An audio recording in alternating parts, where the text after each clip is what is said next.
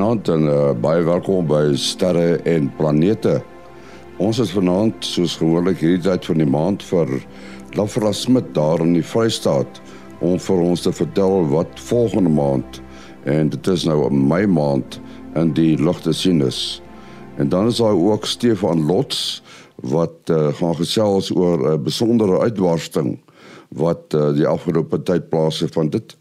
En ons vra dan ook meer in besonderhede oor die mislukte in aanhalingstekens lansering van die Starship.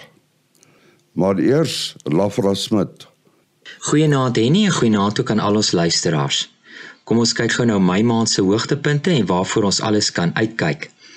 As ons met die planete begin, Mercurius beweeg die begin van die maand tussen die aarde en die son verby en sal dan vir die meeste van die maand vroegoggend in die ooste te sien wees, net voor sonop, laag op die horison.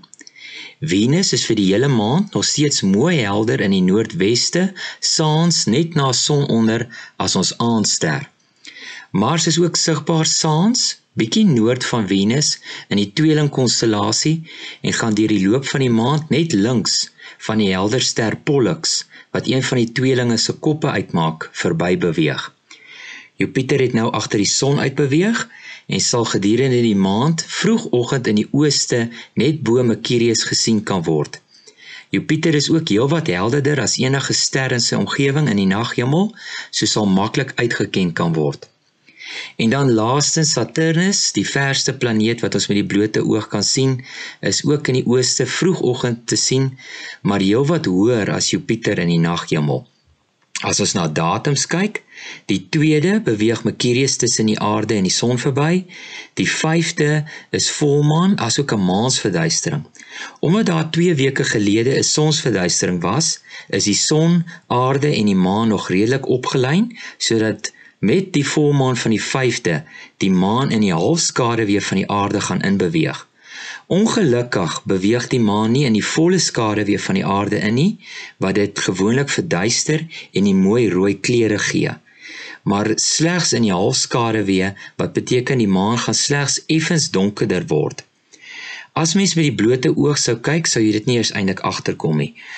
So as jy dalk iewers op sosiale media lees van 'n besondere maansverduistering, onthou dat dit slegs effens donkerder gaan word ongelukkig.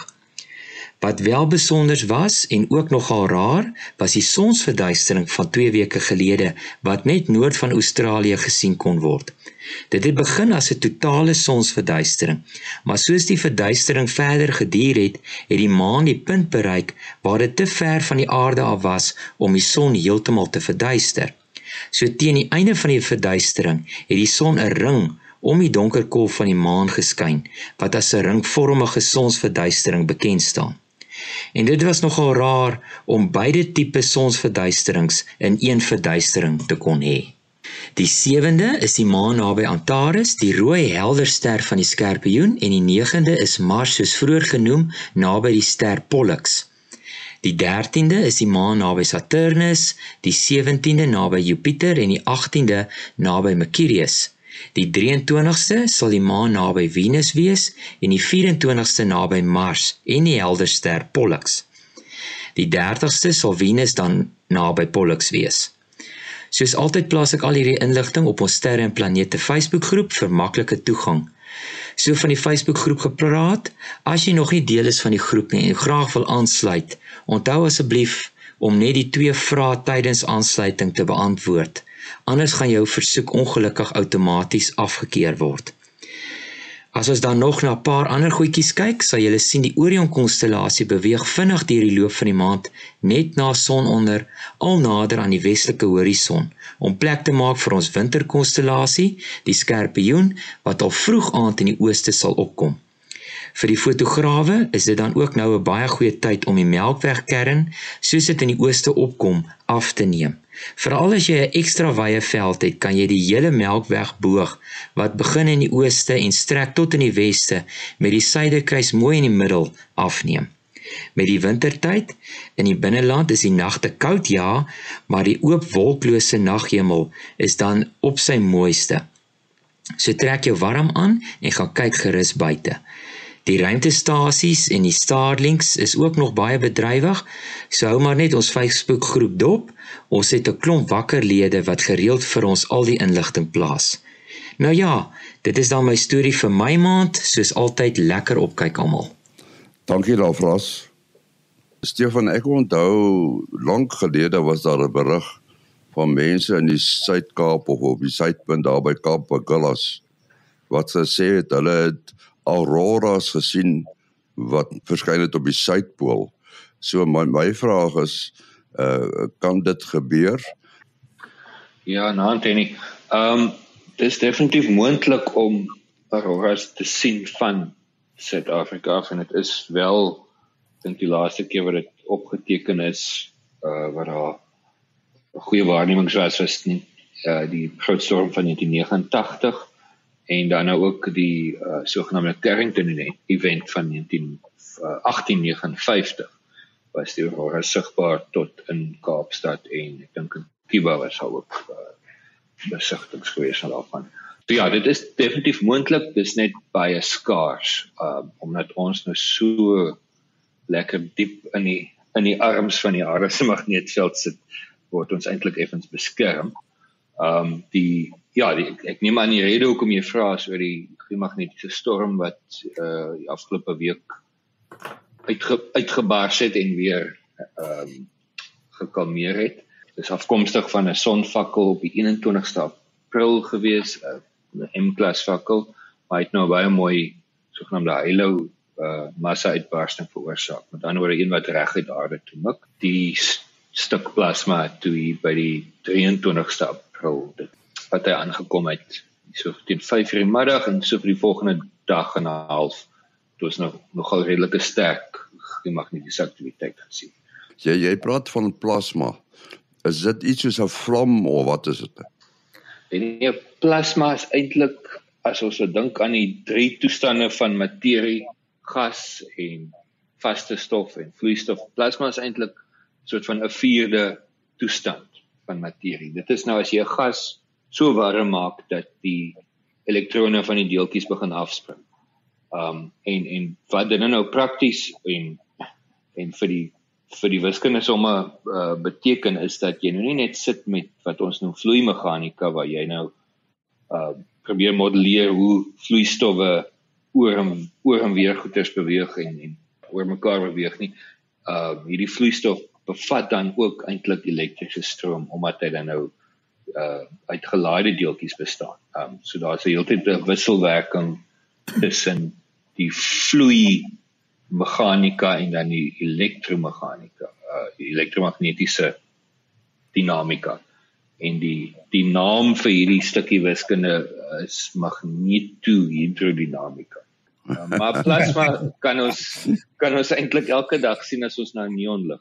Ja, net om na daardie moeilikheidsgraad van die magnetohidrodinamika uh, te verwys. Uh, een van die uh, toestelle wat die mense met groot hoop aan werk is nou die sogenaamde tokamaks wat nou ehm um, 'n plasma baie warm plasma moet vang vasvang in 'n magnetiese bottel.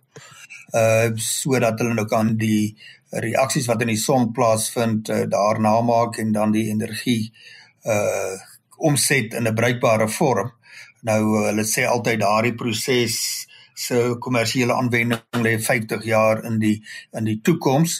Nou dit was 20 jaar gelede was dit 50 jaar in die toekoms en nou is dit nog min of meer 50 jaar in die toekoms, maar dit klink of hulle tog onlangs groot deurbrake gemaak het.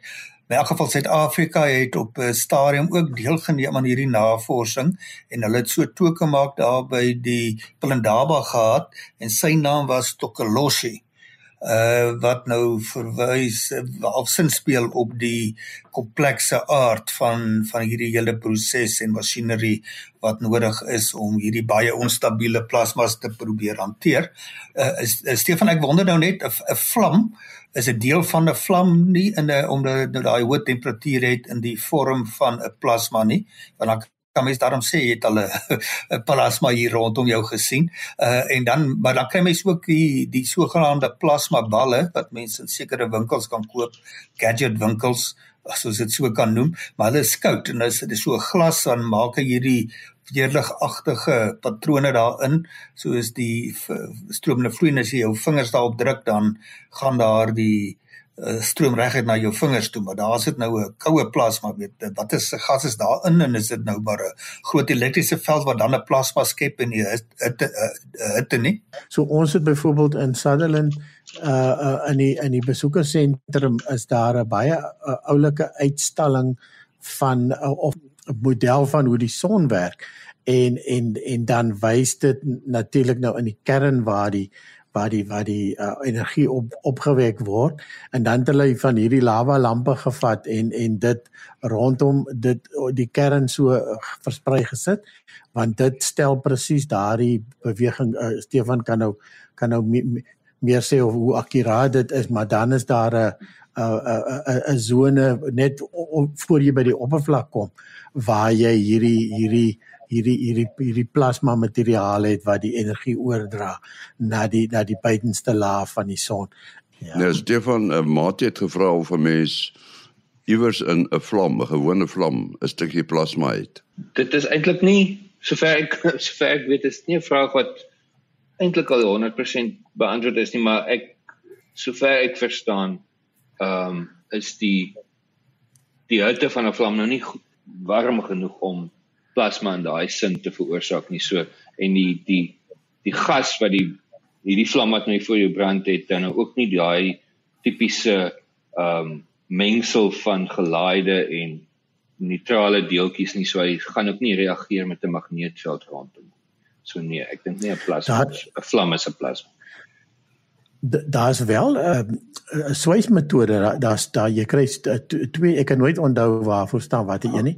Die een is die oh, sogenaamde TIG welder en, en ja daar's 'n TIG welder en 'n MIG welder en een van hulle noem hulle nogal 'n plasma welder en en hy werk met 'n gas wat ingevoer word dink is gewoonlik argon gas en en en dan is daar ook 'n hoë spanning betrokke ehm um, wat dan wat dan die die gas afbreek uh, uh in in in in in die hitte stroom verander en en en uh, ja ek dink dit is die dis die TIG welder wat wat, wat ook 'n plasma welder genoem word. Hmm, maar uh, 'n weerligstraal skep seker plasma met daardie geweldige strome en ontlading en temperatuur. Ek dink so ja. Nou goed, ons uh, het begin uh, met uh, die auroras. Maar ons aan daarmee so ruk gelede was daar op die sosiale media was daar 'n baie interessante foto van uh, auroras, maar daar's snaakse verskynsel gewees, so 'n uh, ronde bal, 'n spiraalbal. Uh wat die uh, wat was dit op jou end? Ja, dit het die mense omtrent ge mesmerise wat is die Afrikaans daarvoor hulle was verstom en en en uh, want dit is 'n groep uh, uh fotograwe wat uh juist die aurora gaan afneem. Nou aurora is baie baie 'n uh, lae intensiteit. So jy het baie spesifieke kamera tegnieke nodig om om hierdie goeters af te neem. Jy moet baie lig inlaat in jou kamera. Jy moet sensitiewe detektors hê. Jy moet hoë uh uh uh uh sensitiwiteit op op jou detektors gebruik die sogenaamde ISO. Toe en toe skielik sien hulle maar hier is dit lyk letterlik soos 'n soos 'n 'n sterrestelsel, 'n spiraalgalaksie. En en en uh, soos hulle hom afneem, so raak die ding gaandeweg groter.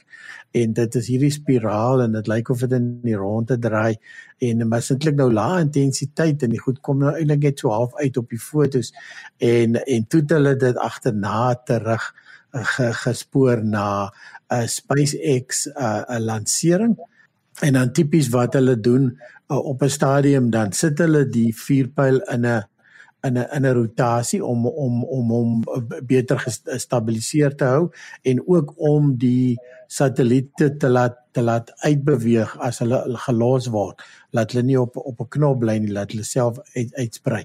En die 'n uh, uh, uh, stadium van die rocket van die vuurpyl het het toe 'n uh, 'n uh, uh, sogenaamde fuel dump gedoen hulle het die die ekstra brandstof was uitgespuit gewees. Nou ja, dit laat ons terugdink aan die baie baie jare gelede het hulle toe die uh pendeltuig nog gevlieg uh het hulle baie maal as hulle sekere eksperimente gehardloop het um dan um die elektriese stelsel van die pendeltuig ek kan nie onthou dit was uh, energie selle dit was een van iets met selle te doen was die fuel fuel cells dink ek was hy goed genoem geweest. Hierdie uh, uh, uh, selle het het water geproduseer. So hulle het waterstof en suurstof gekombineer en dan vorm dit natuurlik water H2O en en dan ehm um, en nou meer krag hulle gebruik hoe meer water is daar as 'n byproduk. So hulle het natuurlik die die die water op die penaltyg self gebruik vir drink en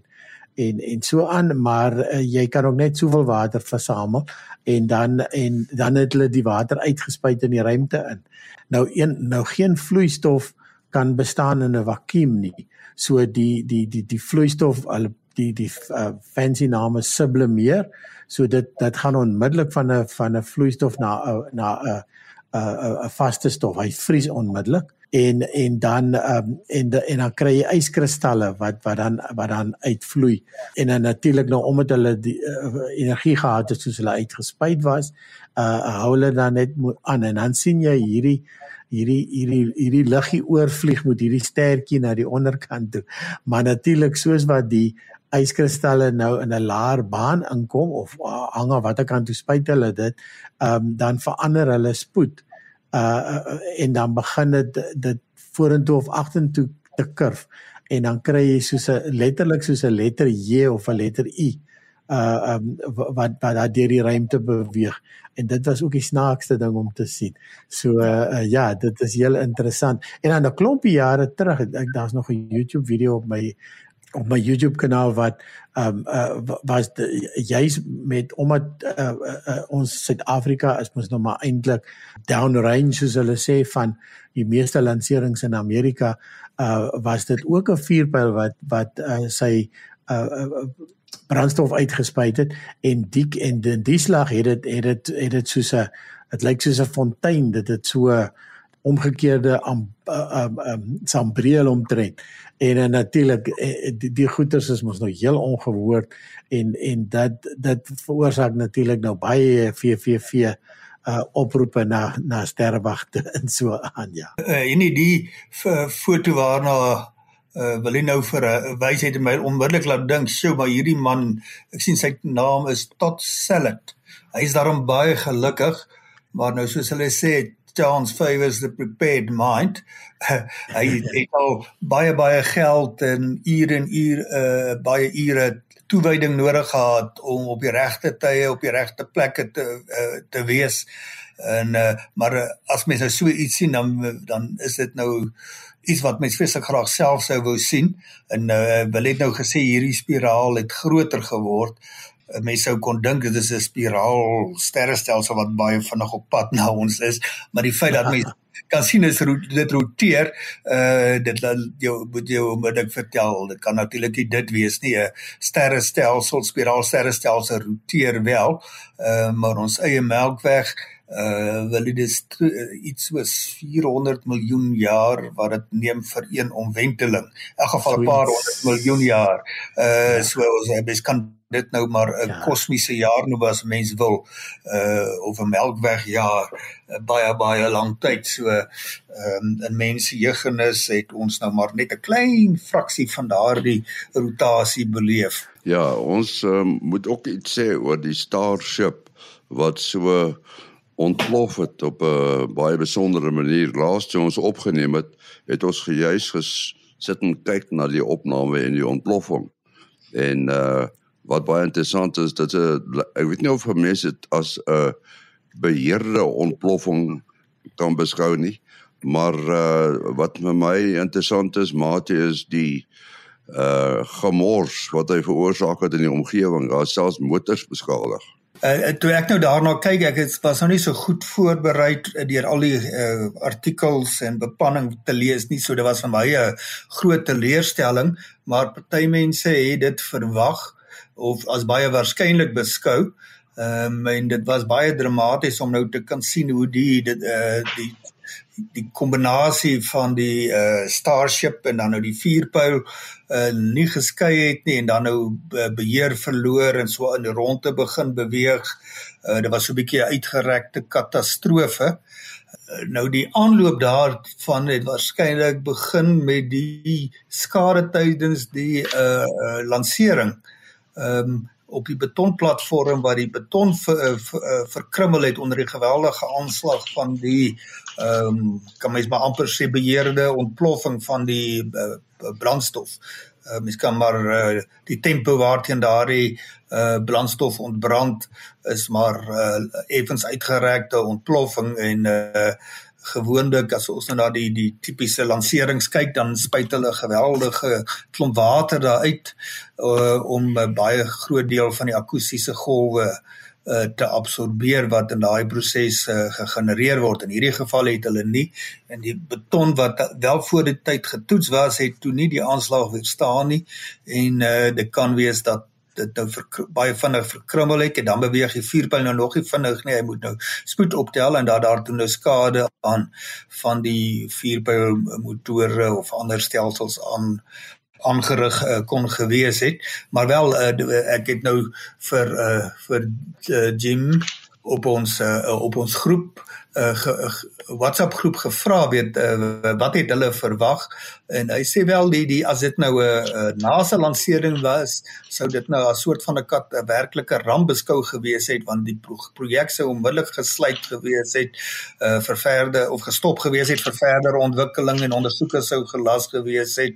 Uh, sou 'n baie lank proses gewees het maar uh, SpaceX wat nou nie 'n uh, staatsinstansie is nie leer baie vinnig uit hierdie uh hierdie soort van teenspoed en binne 'n paar maande uh gaan hulle uh weer uh, lanseer en hulle het blykbaar uh wil ek dink jy weet meer daarvan al heelwat verbeteringe aangebring aan die aan die volgende model. Ja, dis korrek. Die die die hele die die die die vierpyl en en en die Starship, die die die die loonvrag wat bo-op sit, uh wat ook sy eie motore natuurlik het um, was in elk geval ge, ge bedoel om om vernietig te word. So in hierdie slag was daar nou nie 'n idee of of 'n gedagte om dit te herwin soos soos gewoonlik nie.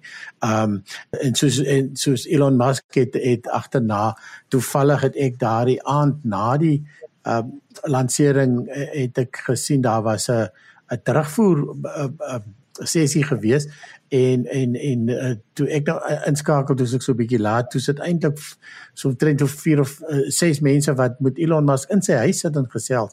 Ding het vir 3 ure aangehou. Ek het daai nag 2 uur loop slaap, maar dit was net te interessant om hoe hy hulle het sy hele geskiedenis in Suid-Afrika vertel en wat ook al. Maar maak nou nie saak hy het daarso gesê dat ehm um, die die volgende generasie en en dis presies wat Jim nou hier gesê het. Die die die die vordering by SpaceX is so vinnig dat dat hierdie eintlik as 'n leerkurwe en dis eintlik ongelooflik hoeveelheid data wat ingesamel was eerder as as hulle beskou dit eintlik nie as as 'n ongeluk nie.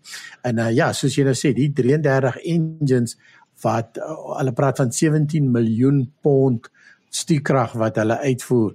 Die sementblad waarop die uh, lansering plaasvind, uh het al 'n hele klomp uh, toetse weer staan. So dit dit dit uiteind was eintlik nie bedoel gewees om hierdie klomp kameras wat in die ronde gestaan het om hulle toe vir te vernietig en ook 'n kar en ek het toevallig die die die uh, lewendige uitsending nie van SpaceX gekyk nie, maar een van die ander ouens en en die uh voertuig wat bes, beskadig is is 'n ander groep ook NSF en SF ja wat wat ek die die die die vorige keer hulle hulle dekking uh, dopgehou het. Want dit is altyd lekker want die ouens vertel die hele tyd wat aangaan. Um um SpaceX is natuurlik baie meer um um om per se klinies want hulle verduidelik presies nou wat wat nou daar gebeur. En hulle gesels sulke lekker stories rondom hom maar hoe dit ook al sy die die die die sement het toe heeltemal gedisintegreer en dit het natuurlik veroorsaak eers het 3 van die engines onmiddellik uh was beskadig in die in die in die in die wegtrek en en en op pad as jy nou mooi die lansering dophou dan kan jy sien skielik is daar dan verander die vlam se kleur en en daar's dit soos nog van die engines uh, is wat heel waarskynlik seer gekry het met uh van hierdie uh uh sement wat rondgevlieg het. Soos jy nou sê, die hele idee is uiteindelik maar om uh, wat hulle noem 'n flame diverter op te sit. So hulle sit uh uh, uh is is amper soos 'n skuins uh vlak wat die wat die vlam na die kant toe blaas uh en natuurlik hulle gebruik water. Nou aan die ander kant mense moet ook onthou die hele idee van Starship is uiteindelik om te gaan land op 'n ander planeet basies en en en dan gaan jy nie water hê om op die ander maan te gooi nie. So hierdie was was wat hulle aanbetref nog steeds 'n baie goeie toets gewees. Ons moet afsluit. Uh Matie jou besonderhede. 'n Selfoonnommer 0836257154. 0836257154. Stefan Uh, mens kan my e-pos by slots@sansa.org.za, is L O T Z by sansa.org.za. En dan wat is is 072 4579208